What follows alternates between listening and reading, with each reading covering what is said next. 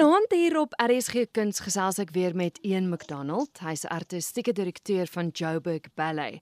En vanaand gesels ons want daar's 'n viering van 21 jaar. Nou nie heeltemal jy wat 21 jaar oud word nie, maar maar die geselskap. Baie geluk met Joburg Ballet wat 21 jaar oud is die jaar.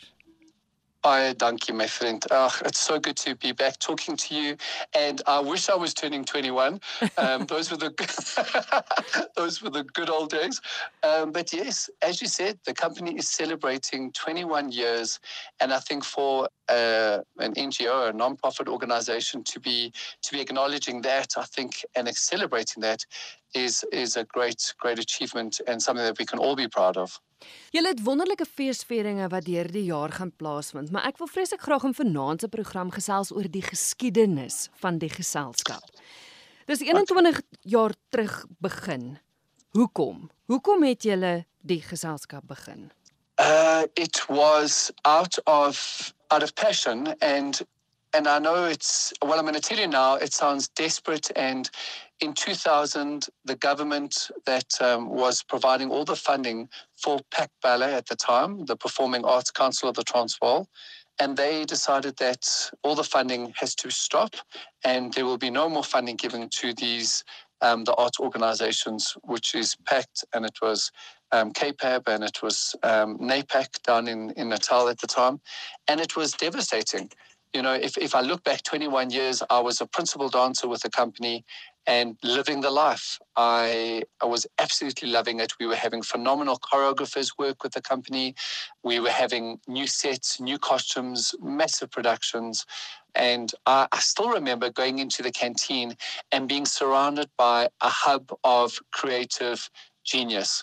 You know, it was a place where there was ballet, there was orchestra, there was drama, it, and it was just you walked into this hub and you don't i didn't realize that at the time and it was only in um, retrospect going back and looking what a privilege and an honor it was to be surrounded by this this hub of of artistic genius people.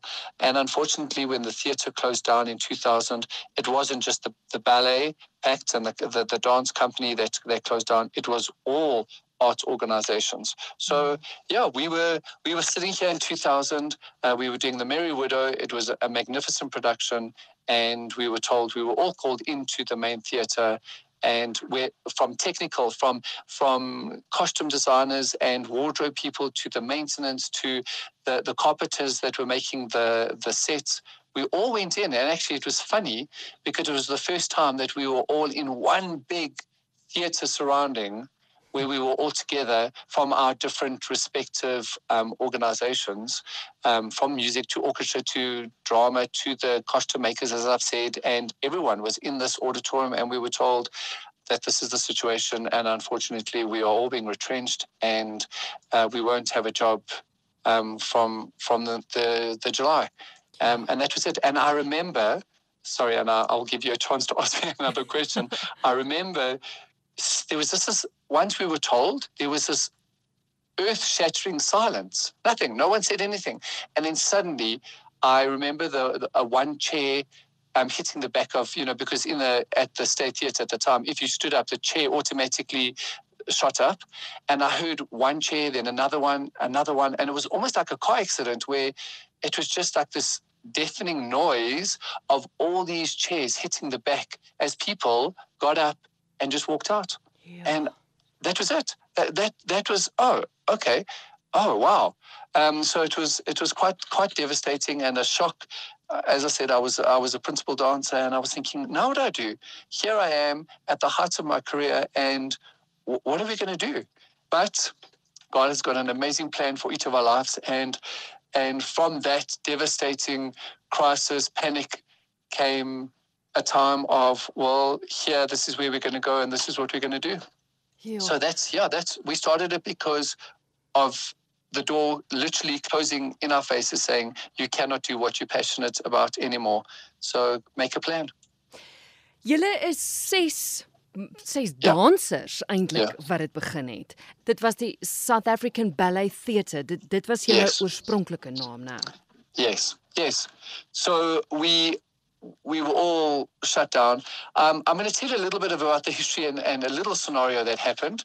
Um, and I'm going to mention someone's name, and it's not going to be good, but let me tell you. So, we were approached, Esther Nasser, who was the head of the contemporary dance company at the time, approached Corin Bierkus, Angela Milan, and myself and said that she's been contacted by a gentleman called Chris Ludovik, who would like us, can we put on a, a nutcracker?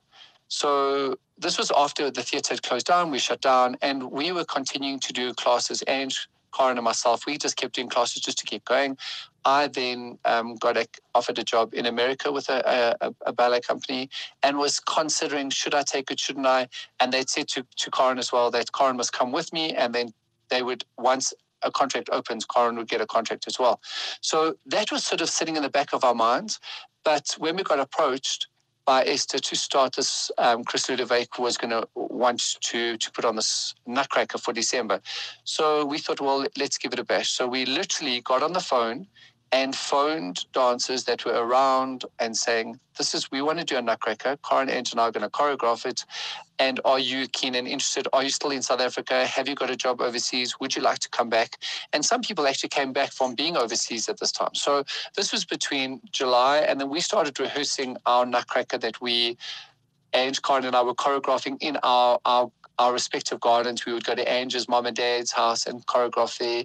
We would go to a Virgin Active gym and do a class ourselves and then choreograph things. Um, so we were literally all over the place. Yeah. Um, and we called dancers together and we started rehearsing with, with them. And we literally had dancers rehearsing from October. We had started working on it from the from July already, and August and September we were doing our thing, and then we called the dancers together. In October, we started uh, working with dancers and choreographing on them. And Chris Ludovik said, okay, um, people will be paid. So uh, salaries came in via a check. And at the time, I should have thought to myself, oh, something's a bit suspect when your check was from some petrol station out in Fontaine, and your, but the, the, the checks went through and everyone got paid, so it was fine. And then um, he said to us, okay, well, what he's going to do is he's not going to pay us for November and December, but once we've we've done the performances at the uh, at the State Theatre of Nutcracker, and we finished performing, then everyone will get paid. And obviously, because Corin, Ange, and I were choreographing and producing and and dancing it in ourselves, uh, we would be paid that that money as well. Mm. Um, so we thought, okay, fine. I'm just bearing in mind that Corin and I were getting married in the in the next January. So we thought, okay, well, this is this is great. This will also help us towards our our wedding and blah blah blah. So we carry on. We we do opening night of Nutcracker, um, and and you know I think we we did well because people were we realized that obviously this organization has shut down and people didn't want to lose dance and ballet etc in the country so it was well supported and we we had a great success of a of a season of nutcracker at the state theatre and we finished on december the 16th as our last performance and um, and then i might just add um, our, my name and Vanessa Nicolau, who is our production lady who uh, puts all our sets and everything together. Ama- amazing, amazing icon lady who's been around in the theatre world for, for many years. We had signed up to, through Chris Ludovik to go and do a performance at Sun City on the 24th of December. Anyway, the 16th of December came when we finished, and we went up to the office to go and speak to Chris Ludovik to uh, to get paid for this and Chris Ludovik had taken all the money and had run and had gone. So we had absolutely nothing. Uh, we were getting married in the January. We were not paid for producing, for dancing. Um, the dancers now didn't have a salary for that November and December period. And as I've just said to you now, we were scheduled to go and perform at Sun City on the 24th of December. So the the six of us um, who were, who had being a part of this Nutcracker sat down and thought, what do we do? So I went to the company and I said, listen, we have committed to the 24th of December. You're not being paid. You're not going to get paid for the for the for the November and the December. Please, can you come and do this performance at Sun City? Not one dancer turned down the fact that they were going to go and perform. Now, this is a level of commitment and passion. Sure. Yeah. Um, so we we had parents, our parents, um, coming and helping us dress. And we all got on a bus. We traveled to Sun City. We did the performance and we got on the bus and we came home. and celebrated Christmas the next day with, with not a cent in our pockets. And now we were back to square one. And anyway, um, I am a firm believer in staying positive, And so we got married in the January, and at our particular wedding, um, there were some of our guests, and Ainslie Hancock being one of them, uh, Mike Dove, came to our wedding, and these were avid fans of ours that had supported Corin and I through our careers, and we invited them to our wedding. And it was at the wedding that we sat down and said, We cannot let this company fall apart. What are we going to do? Anyway, Corin and I got married, and we we went on an amazing honeymoon, which was quite primitive because we didn't have money to go to uh, an exotic getaway. But even at the wedding was was a blessing, and people were the, were so generous in giving us things and provided. Anyway, it was an amazing, amazing day.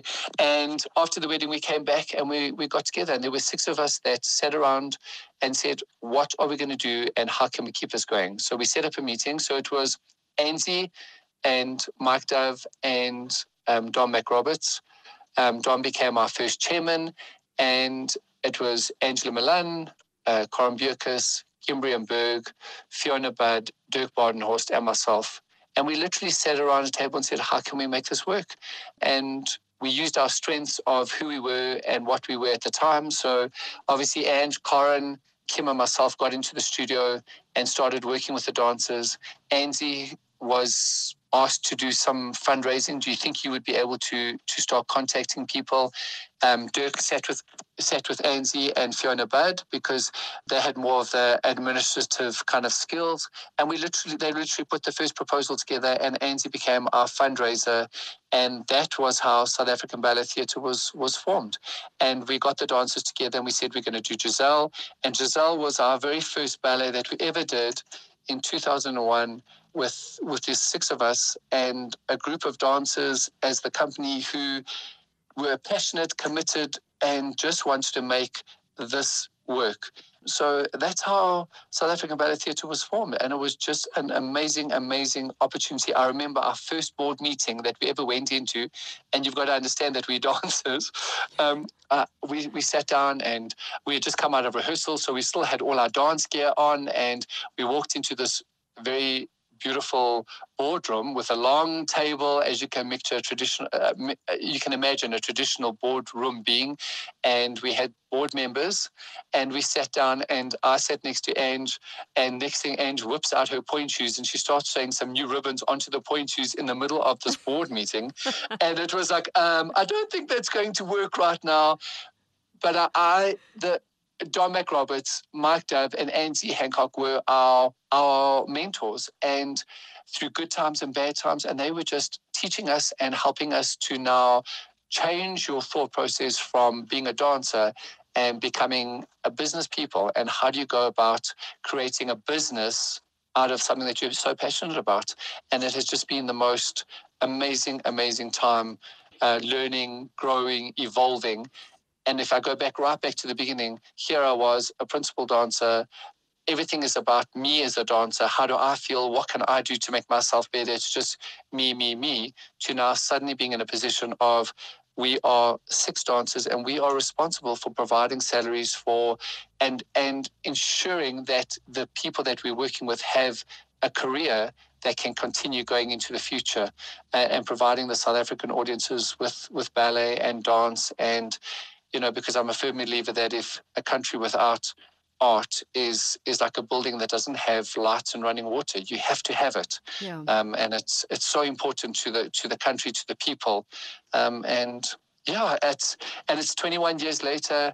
The other subsequent founder members have have moved on to other things and are, are doing amazing, amazing. Angie's sitting in Italy. Kim is in New Zealand. Fiona's in South in South Africa still and doing uh, an amazing fundraising things for another organization.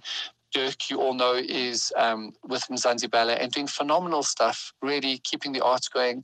And and Corin is um, heading up a, a, school where she's started her own methodology called Elite and doing producing great dancers that have now been sought up and I'm sorry to say being snapped up overseas because um, you know they, they're great dancers that are being trained. And then I'm with with Joburg Ballet and I am absolutely loving doing what I do and working with incredibly passionate people. And it's such a gift and an honor.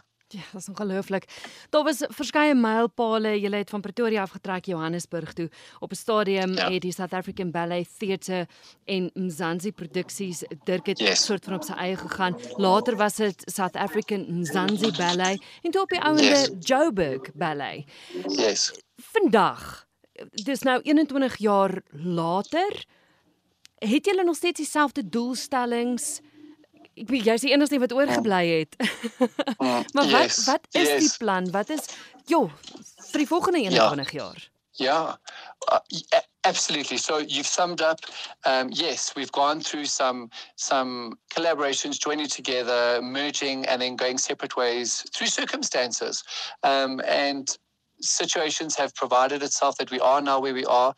We changed our name to to Joburg Ballet because the city of Joburg is a great, great supporter of the company and, and funder.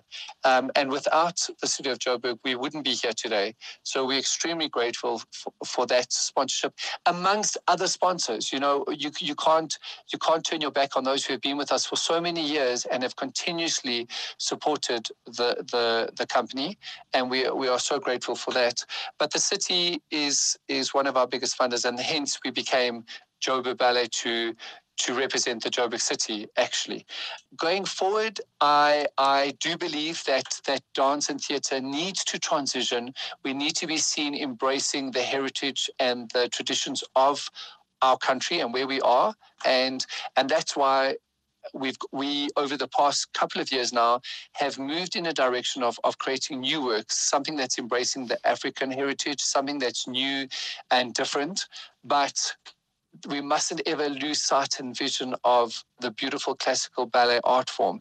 And I, I'm passionate about that because there's nothing like seeing a beautiful Swan Lake or um, a Romeo and Juliet where they are taking stories like Romeo and Juliet. It's a story that can speak to so many people and crosses a language. We don't have to be speaking any particular language, we're speaking the language of dance. And this story is something that everyone can relate to, where there's love, heartbreak, death, murder, suicide. And I know it sounds dramatic, but there's a ballet that so many people, so many of us can actually relate to on one level. And I think that's what is so important with this amazing art form is it speaks a language that can touch people's lives. Um, and I don't ever want us as a company to lose that, um, the vision and the, and that is to bring ballet to, to people. And you know, so many people say yes, but but is ballet, you know, relevant to today? Take a look at the children in our community and go look at the different studios where they are training. We have a school. We go out into Alexandra. We go out into Soweto. We've got young children coming to to UJ, the University of Johannesburg, where the studios there, and you must look at the talent of these young children um, and yes, there's definitely a future, and ballet will survive. And if I look at what's coming up, I'm so excited to know that these young children are passionate about it and, and they also want to dance. It's got nothing to do with, with a color or a white Eurocentric art form. It's about the art form of ballet and touching people's lives. So you asked me, and my, my goal is for people to come to the theater and to be emotionally moved once they walk out. I want you to leave the theater and be moved, whether it's emotions of happy, of whatever it is. So that and that's through the language of dance. So whatever I can do to make sure that you as a as a person coming to the theater are going to walk away having being emotionally, physically moved and stirred, that's then then we've done our job as a company.